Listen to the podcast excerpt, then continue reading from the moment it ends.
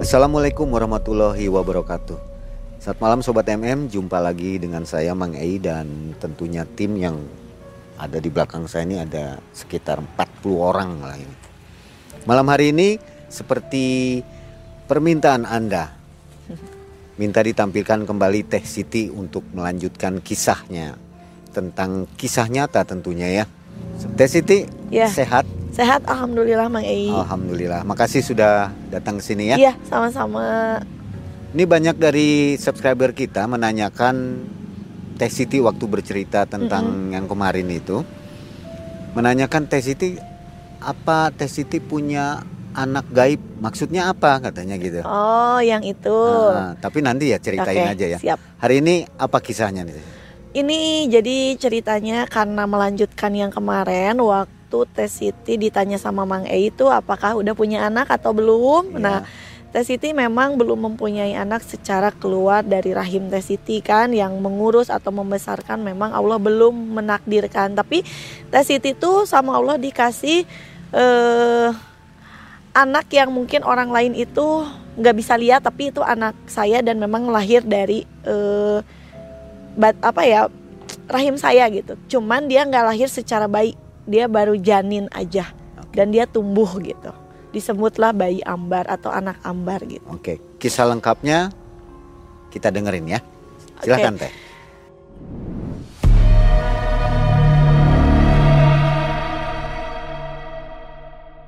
2010 di bulan Mei Teh Siti itu positif hamil gitu. Nah, positif hamil selama mau menginjak 4 bulan itu Teh Siti keguguran gitu. Jadi jauh sebelum Teh Siti mengenal sama si Haji gitu. Keguguran lagi di bayi yang eh, kedua di bulan Desember apa November lah akhir tapi masih bulan eh, tahun yang sama di akhir 2010 gitu ya. Nah, se- 2011 kan Teh Siti ketemu tuh sama si Haji dan menceritakan bahwa Teh Siti tuh susah punya anak karena keguguran terus kan gitu. Nah, jadi kisahnya itu setelah Teh Siti e, bersih atau sembuh gitu dari dari apa ya namanya dari pengaruh yang kemarin-kemarin yang udah diceritain waktu Teh Siti di video yang pertama. Teh Siti alhamdulillah sehat. Nah, begitu Teh Siti sehat, alhamdulillahnya itu semua kembali berjalan lancar bersama suami mengarungi e, perjalanan kehidupan yang normal gitu. Di 2016 itu Teh Siti mengandung, mengandung lagi gitu. Dalam posisi sama mau ke empat bulan tiga minggu eh, tiga bulan dua minggu. Jadi mau ke empat bulan itu sama harus mengalami yang namanya keguguran. Tapi berkali-kali Teh Siti tanya ke dokter, berkali-kali Teh Siti juga tes ke dokter bahwa di dalam rahim Teh Siti itu nggak ada yang namanya penyakit ataupun disebabkan makhluk goib gitu ya. Kan ada juga orang yang bilang "Nge- nggak bisa hamil tuh karena di dalam rahimnya itu ada sosok jin yang men- apa menyinggahi rahim sehingga si janin kita tuh dimakan terus gitu kan. Nah Teh Siti tuh ada dalam perasaan Teh Siti ada ketakutan seperti itu karena eh ada juga yang bilang setelah Teh Siti ketemu sama guru ya guru yang sekarang eh, mengasuh Teh Siti gitu eh, abah gitu. Kenapa ya neng teh kemarin udah hamil lagi gitu kan? Keguguran lagi. Apakah masih ada jin di dalam tubuh Teh Siti yang memang si jin itu eh, mengambil janin ataupun yang nggak mau nggak- kalau Teh Siti itu ibaratnya punya anak gitu dari eh, suami gitu kan? Neng kalau dilihat dari segi kebatinan sama abah neng itu nggak ada nggak ada yang namanya suami jin lagi udah nggak ada. Terus di dalam rahim neng juga nggak ada yang namanya penyakit eh, dari bangsa goibnya gitu ya. Terus kenapa tuh bah sampai saat ini udah pernikahan di du- eh, enam tahun berarti kan? Teh Siti masih aja belum mempunyai keturunan. Terus Abah bilang kayak gini keturunan itu Allah titipkan kepada eh, hambanya yang sudah siap dan sudah dipercaya. Nah, kamu harus yakin, harus husnuzon bahwa Allah itu enggak serta merta menitipkan anak kepada hambanya itu yang pengen, yang bener-bener pengen. Kadang Allah itu menguji kita itu lewat mana aja jalannya gitu kan. Nah, mungkin salah satunya Neng itu diuji sama Allah itu dalam kesabaran menanti suatu uh, keturunan atau titipan berupa anak gitu kan. Guru saya tuh bilang seperti itu. Tapi uh, saya sebagai wanita dan seorang istri tentunya kan ada rasa kesepian namanya kita pengen ketika pulang ada yang apa ya namanya main gitu kan. Nah, karena Neng itu sering berhubungan sama anak-anak kecil yang tidak terlihat oleh orang lain, itu ada Neng anggap adalah anak Neng gitu kan ibaratnya karena mereka juga sebenarnya e, butuh kasih sayang seorang e, manusia gitu. Aku sering main ke taman kayak gini ya, misalkan atau ke hutan gitu. Tiba-tiba aku ngelihat e, sukma atau e, berwujud anak kecil di jalan gitu terus dia narik-narik gini ke, ke badan saya. Walaupun nggak kelihatan ya sama orang gitu. Cuman dia narik badan saya dia ditanya pengen ditanya gitu. Nah itu tuh neng anggap anak sendiri aja. Neng dengerin cerita dia apa gimana kisahnya gitu kan. Terus saya ngerti oh makanya dari kecil saya tuh banyak teman anak kecil gitu kan. Ternyata mungkin jalannya Allah menakdirkan saya untuk nggak dulu punya anak secara lahir maksudnya yang kelihat karena anak-anak yang nggak kelihatan sama mereka-mereka yang nggak kelihatan itu bisa kamu jadikan teman anak kamu juga kamu sayang juga gitu kan? Oh gitu. Ya udahlah nggak apa-apa. Turunnya ijazah tes Siti ngerukia udah tes Siti bilang ya dari perjalanan yang belakang bahwa 2017 tes Siti benar-benar udah sehat dan Teh Siti turunnya ijazah e, ngerukia itu ketika Teh Siti sudah sholat isya gitu ya. Nah dikasih air gitu kan sama guru e, goib mungkin ya kakek-kakek yang ngasih untuk kasihin ini air untuk orang yang membutuhkan gitu. Nah di situ tuh sebelum Teh Siti ketemu sama kakek itu tes itu tes itu itu ada perjalanan goib dulu. Jadi enggak sampai ibaratnya enggak sampai langsung ketemu sama si kakek itu enggak itu tes Siti pingsan lama sekitar tiga jam kata suami gitu kan enggak sadar sadar dalam al alam sadar tes Siti itu e, ketika tes Siti nggak sadar tes Siti itu ada di alam yang nggak tahu apa tapi gelap. Gelap banget nggak nggak nggak nggak tahu itu di mana gitu rasanya tuh kayak pengen ngejerit minta tolong tapi gak ada orang yang bisa ngedenger gitu. Gelapnya tuh gelap tapi nggak kelihatan kayak malam gitu. Tuh terus uh, Sukma Siti bilang ya Allah gitu ya dalam dalam waktu Siti nggak sadar Siti bilang ya Allah Siti di mana? Apakah ini tuh yang namanya alam lain bukan alam goib yang biasa Siti uh, datangin maksudnya kalau Teh Siti lagi pingsan gitu kan dulu sering diliatinnya jin-jin kayak gitu. Nah ini alam apa kok nggak ada nggak ada apa-apa cuman Teh Siti uh, ngelihat ngerasa takut dan kayak gelap gitu. Nggak ada yang ngasih jalan gitu ya. Gelap ini jalan harus ke mana tuh nggak tahu gitu. Nah tiba-tiba Teh Siti tuh kedatangan seorang anak kecil memakai gaun warna putih dan anak cowok pakai baju yang kayak baju koko gitu kayak cahaya gitu tapi berbentuk anak kecil. Cuman wajahnya saya nggak jelas biasa. Kalau misalnya kita ngelihat yang uh, makhluk yang benar-benar mungkin murni dari Allah tuh nggak nggak bisa diterawangin secara jelas. Cuman mereka tuh ngedatangin saya dan bilang Umi katanya gitu kan saya kalau sama anak-anak uh, adik saya keponakan saya tuh dipanggilnya Umi kan. Umi jangan takut katanya gitu ini anak Umi yang gak bisa lahir di dunia. Saya aneh. Saya takut pada waktu itu ya. Iya ini, ini anak Umi, cina. Ini anak Umi yang Umi uh, Allah takdirkan untuk nggak hidup di dunia, tapi kita hidup di alam ini untuk nemenin Umi. Umi tuh kan sendirian di alam sini kan saya tuh bingung ya secara anak indigo gitu kan nggak berilmu nggak mencari ilmu dan bingung gitu. Ketika saya ada di jalan yang salah mereka tuh nunjukin gitu. Ini ini dede ini aa gitu. Ini teteh. Jadi mereka juga sama ngikutin perasaan aku gitu ya perasaan teh Siti gitu. Nah anak yang saya yang saya uh, kuguguran pertama itu berjenis kelamin perempuan. Dan sekarang saya sering memanggilnya dengan sebutan teteh karena bahasa uh, Sunda gitu ya. Saya beri nama beliau uh, Putri Ajahra Ramadhani karena anaknya suami gitu kan. Yang kedua, saya kasih nama yang keguguran itu anaknya laki-laki Haika Ramdhani gitu. Nah, selepas dari itu saya dikasih tahu nih, dikasih petunjuk dalam artian saya tidak sadar. Dalam, uh, anak saya tuh ngasih petunjuk Umi, kalau Umi mau keluar dari sini, Umi harus ngelewatin dulu lorong itu. Lorong apa itu? Itu lorong segala macam makhluk ada di sana.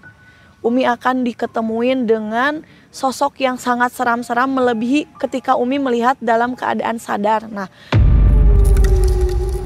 Umi nggak mau ke sana takut. Tolong, tolong Umi pengen pulang aja, pengen kembali lagi ke Abi gitu kan, pengen kembali lagi ke Abi. Cuman kata anak saya tuh bilang, jangan Umi udah jadi uh, apa tugas Umi harus ke sana. Coba Umi ke sana dulu. Kita doain di sini. Dia tuh bilang seperti itu. Nah, mereka nih uh, apa berada di belakang saya, saya maju ke depan. Ternyata bener setelah saya masuk ke alam yang berbeda lagi gitu kan. Itu alamnya alam siluman gitu. Saya diketemuin sama berbagai macam siluman yang jahat gitu ke badan saya tuh sampai badan saya tuh diguling-guling. Ah dia tuh ketawa. Uh, kuntilanak yang saya lihat di alam ketika saya masuk ke sini nih ya. Ini tes iti misalkan tes iti lagi di hutan tes iti ngelihat kuntilanak. Nah di, di alam sana itu tiga kali lipat menyeramkannya daripada yang biasa tes iti lihat di alam sekarang gitu. Mereka jahat mereka ngejar-ngejar tes iti mereka bilang seperti ini kamu nggak akan bisa uh, apa namanya ngelawanin kita. Kita akan menjadi ujian untuk semua yang kamu datengin. Kita akan masuk ke dalam tubuh-tubuh manusia yang uh, Allah utus untuk ketemu sama kamu. Uh, di alam dunia kamu bisa menang. Tapi di alam ini belum tentu kamu akan terikat. Sukma kamu di sini nggak akan lepas. Nah dari situ saya tuh ya ampun ya Allah gimana saya pengen kembali lagi ke badan saya gitu kan saya pengen kembali lagi ke badan saya sedangkan di sini tuh saya ketemu sama siluman-siluman yang bener-bener nggak pernah saya temuin di kehidupan yang ketika saya sadar gitu kan. Nah, sampai saya ngumpet sengumpet-ngumpetnya itu mereka ada lagi. Ha, saya tuh dipecut yang namanya dipecut badan saya di sana tuh udah kayak kalau dilihat oh ini yang namanya kayak saya harus mati di sini mungkin sukma saya nggak akan balik lagi ke ke badan saya. Tapi saya punya keyakinan kayak gini dalam hati ada doa-doa anak saya. Ketika saya belum masuk ke alam ini, anak-anak saya mendoakan saya dan mereka yakin bahwa Umi bisa ngelaluin ini gitu kan. Terus saya ngedengar ada orang tua saya, Neng, mamah mah ridho, mamah mah ikhlas. Lamun misalkan Neng pulang dalam keadaan sehat walafiat. Mama nggak ridho kalau kamu dibawa sama makhluk-makhluk yang bukan dari uh, kehendak Allah. Jadi ada suara orang tua, mamah terutama yang ngedoain gitu. Nah, saya langsung seketika yang tadinya saya lari-lari itu, yang tadinya saya ngejerit-jerit, itu di alam sana tuh saya agak lupa sama Allah gitu. Karena panik kan, ketakutan. Terus saya ada yang ngasih tahu kan di dalam hati saya pas ngedengar suara mamah, kamu nggak usah berlari. Kamu nggak usah teriak-teriak, kamu mau teriak ke mana pun, mereka tuh akan ngetawain kamu gitu kamu akan lari ke mana pun mereka tahu. Kamu harus sadar, kamu harus benar-benar tauhid kamu harus diperkuat lagi. Karena ini tuh makhluk yang nanti akan kamu hadepin di alam sana, di alam nyata gitu. Nah, saya tuh baru sadar ya Allah, kenapa saya harus lari? Mereka makhluk goib, kita juga sama makhluk goib dalam keadaan waktu Teh Siti nggak sadar ya, karena Sukma mungkin kan. Dari situ Teh Siti duduk di alam yang pokoknya gelap banget lah itu. Tapi ibaratnya si makhluk-makhluk itu tuh jelas kelihatan dan nyeremin banget cuman gelap aja gitu. Pas Teh Siti merenung duduk Teh Siti inget ya Allah ini makhluk siapa yang menggerakkan? Ya Allah ini siapa yang bikin saya takut? Dan ini siapa yang menggerakkan saya untuk lari-lari ke sana ke sini Sedangkan saya dan makhluk itu hanya engkau yang bisa menggerakkan ya Allah. Kata saya seperti itu. Maka ada ketika itu berubah semuanya. Menjadi kayak pagi-pagi. Pagi-pagi ya Allah ini udah alam apa lagi yang harus saya tempuh?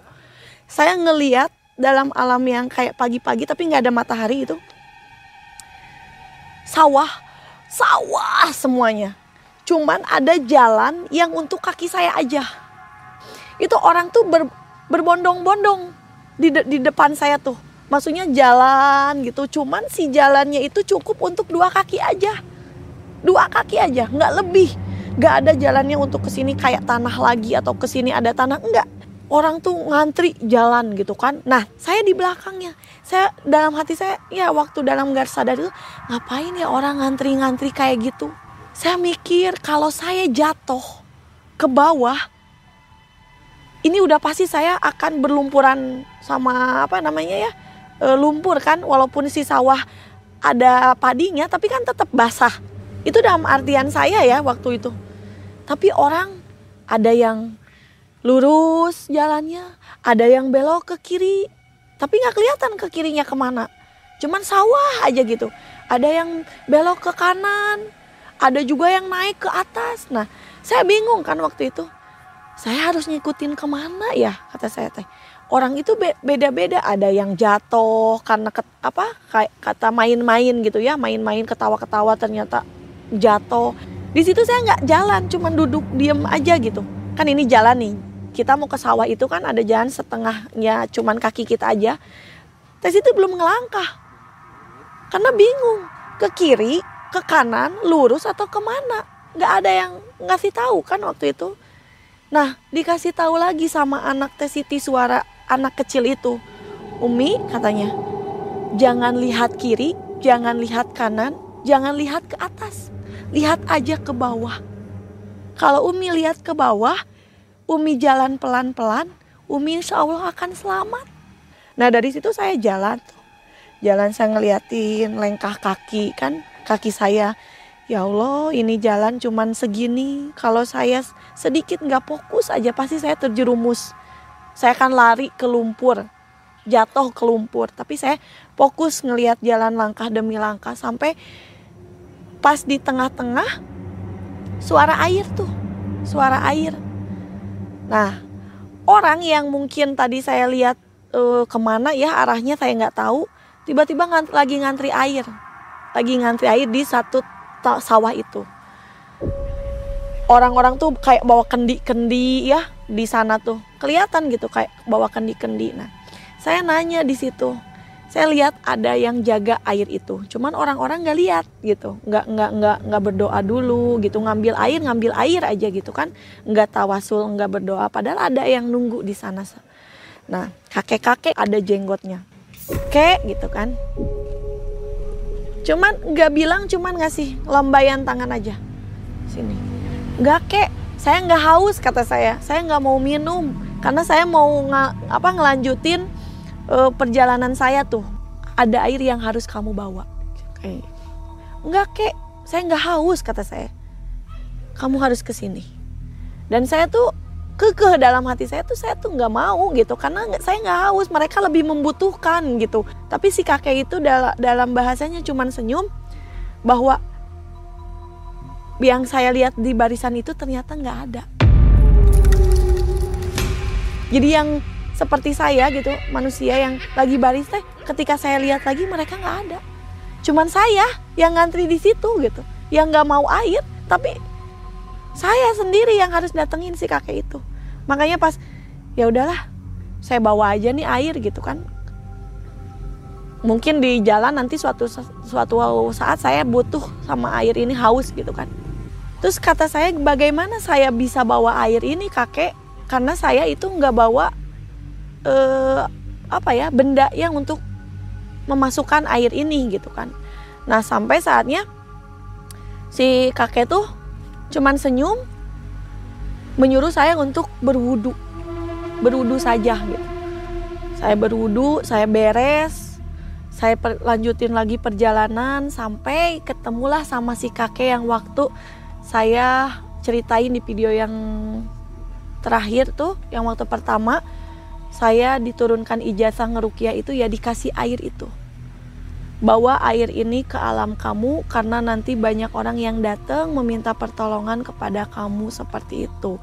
Ini udah jadi bagian kamu kayaknya kayak kayak gitu. Cuman waktu itu saya tuh memang nggak bawa nggak bawa apa-apa. Saya tuh nggak bawa kendi, nggak bawa uh, alat untuk ngasih air itu.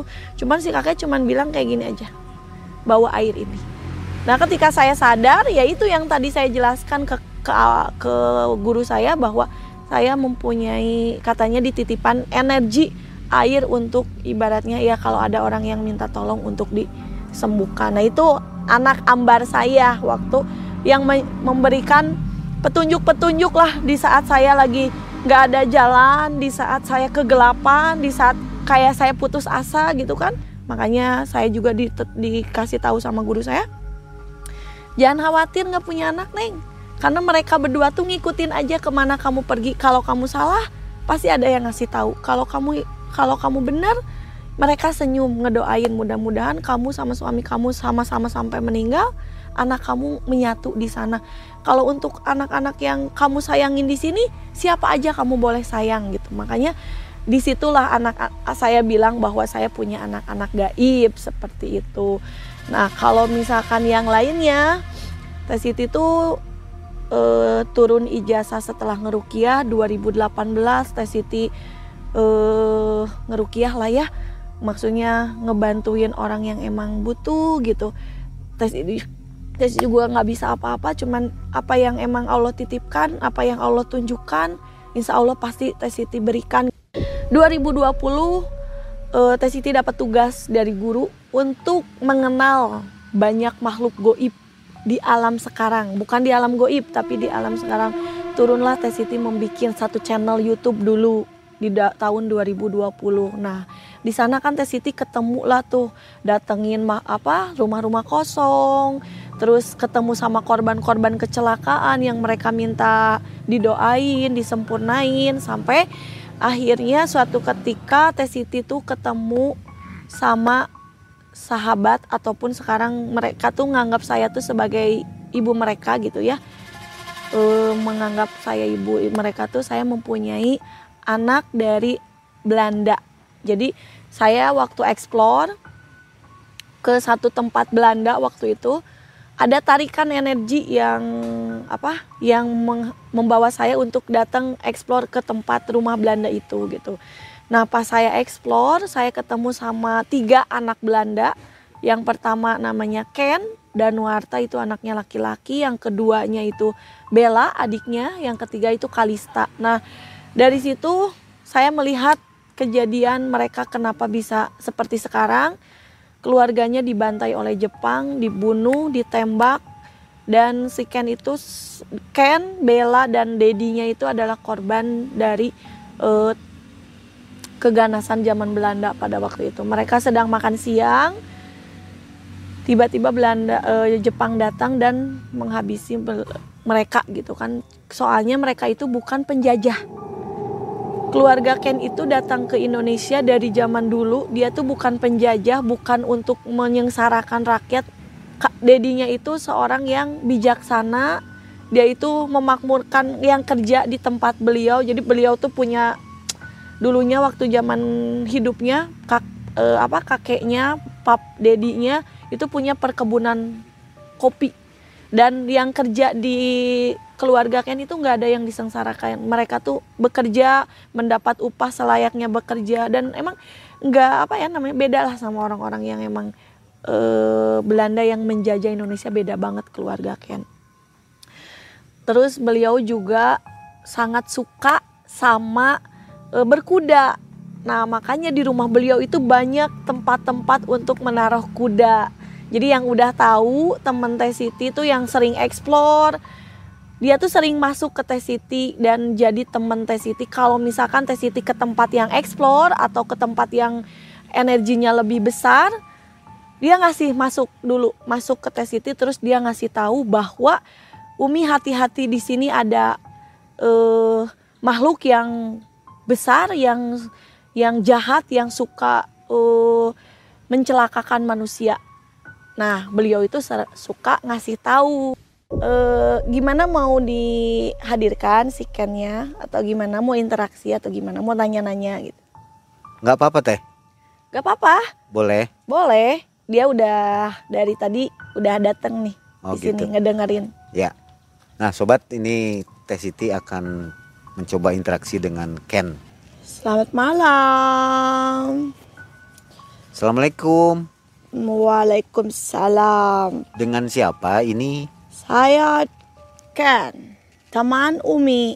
Ken, Ya. temannya Umi. Ya, Kok kayak orang Belanda ya? ya saya memang orang Belanda, tetapi keturunan Belanda. Oh, Mommy saya orang Sunda, Dedi saya orang Belanda.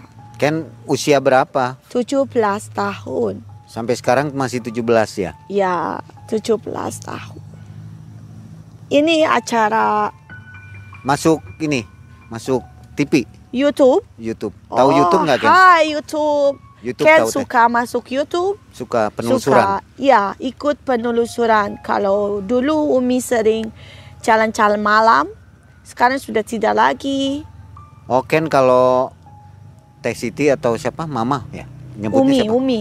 Umi Ya, sering ikut mendampingi atau gimana? ya, Ken eh, ikut jampingi Umi kalau Umi eh, jalan-jalan malam karena suka eh, ada makhluk yang sengaja eh, untuk jahat. Nah, Ken eh, beritahu tidak tidak boleh jahat. Oh, Umi orang baik, tidak tidak cari onar. Jadi mereka mm, bisa lebih tenang. Kalau di tempat kita sekarang ini, Ken lihat apa Ken? Ada ap- siapa aja di dekat kita? Kalau di sini aku lihat dari tadi banyak anak kecil, makanya Umi tadi senang jalan-jalan. Ada tiga empat anak kecil di sana sedang jalan-jalan, main-main, lari-lari di belakang pohon. Saya, saya lihat ada no, Cantik, ya tidak suka. tidak suka. Ya, tetapi mereka yang tinggal di sini kan kita tidak boleh mm, ganggu dan tidak boleh berisik. Mereka juga tidak ganggu ya. Ya. tidak. Kalau Ken tinggalnya di mana Ken? Eh, sekarang Ken masih tinggal di rumah Ken yang dulu, tapi Ken juga masih sekolah sama seperti yang lain. Masih sekolah, masih belajar juga. Sekolah di mana? Ada di alam sana. Oh, ada sekolahnya juga. Ya. Ada kepala sekolahnya. Eh, semua ada, tetapi sebenarnya beda dengan di alam manusia. Belajarnya beda sekali, tetapi intinya Ken masih sekolah belajar. Maaf nih, Ken dul- dulunya seorang manusia juga atau Ya, Ken seorang manusia. Ken keluarga Ken meninggal ditembak oleh Jepang. Sedang Oh. makan siang, tiba-tiba ya ditembak. oh, Keluarga. meninggal semua keluarga Ken? Ya, Ken, adik Ken, dan hmm, orang kepercayaan Dedi. Kalau Momi terakhir, Momi tidak ada di meja makan, tetapi Momi di atas eh, ka- kamar. Momi lihat secara langsung penembakan ke kami semua sehingga Momi shock dan ditembak juga. Akhirnya ikut ke Mommy City sekarang. Ya, eh, Ken ikut Umi karena pertama ketemu sama Umi di tempat Ken di rumah Ken. Umi jalan-jalan. Di mana rumah Ken? Boleh Hmm, tahu? Ada di Bandung, tapi Ken tidak boleh kasih tahu. Karena dari kemarin banyak sekali yang datang ke rumah Ken. Tetapi bukan manusia yang baik-baik. Mereka cari-cari sesuatu. Dedi tidak boleh kasih tahu. Ya. Oke. Makasih ya Ken ya sudah ya, terima masuk ke YouTube nih. kasih. Semoga eh, cha- apa YouTube malam mencekam. malah mencekam banyak yang subscribe jangan lupa like comment yang banyak. Ya. Pinter ya Ken ya. Sudah Nah. diajarkan dari dulu masuk YouTube harus like, comment, subscribe. Ya. Ya. Makasih Oke. Ken ya. Ken Terima boleh kasih. boleh Selamat pergi malam. lagi. Selamat malam. Jadi itulah tadi interaksi Ken dengan Teh Siti. Teh Siti ini adalah menjadi ibunya ya di Iya. alam yang berbeda Mm-mm. gitu. Jadi ikut ke mana-mana saja. Suka kelihatannya ikut. kelihatannya baik ya Ken ini ya. Ya, baik sekali Mang Ai. Jadi eh, kalau misalkan saya eh, ke tempat yang explore dulu ya, explore gelap-gelap atau energinya jahat-jahat, kan suka ngedampingin saya. Maksudnya ngasih tahu jangan ke sana Umi. Itu udah di luar batas. Itu makhluknya ganas-ganas gitu. Oh iya, perlu sobat ketahui juga bahwa Teh Siti ini adalah sang penelusur, sering menelusuri daerah-daerah yang Ya, dulu angker ya. sekarang udah nggak Dulu di mana di TikTok. channelnya dulu di Mercy Tiga Mata, tapi sekarang udah off. Di TikTok juga pernah ya. Di TikTok juga pernah. Oke. Terima kasih atas ceritanya hari ini. Iya, Semoga sama-sama. menjadi info yang baik Ya. untuk kita semua ya. Amin, amin, amin. Mudah-mudahan Teh Siti selalu sehat ya. Amin, amin, amin sama-sama. Mang Ei dan tim akhirnya undur diri. Sampai jumpa di video selanjutnya. Assalamualaikum warahmatullahi wabarakatuh. Waalaikumsalam warahmatullahi wabarakatuh.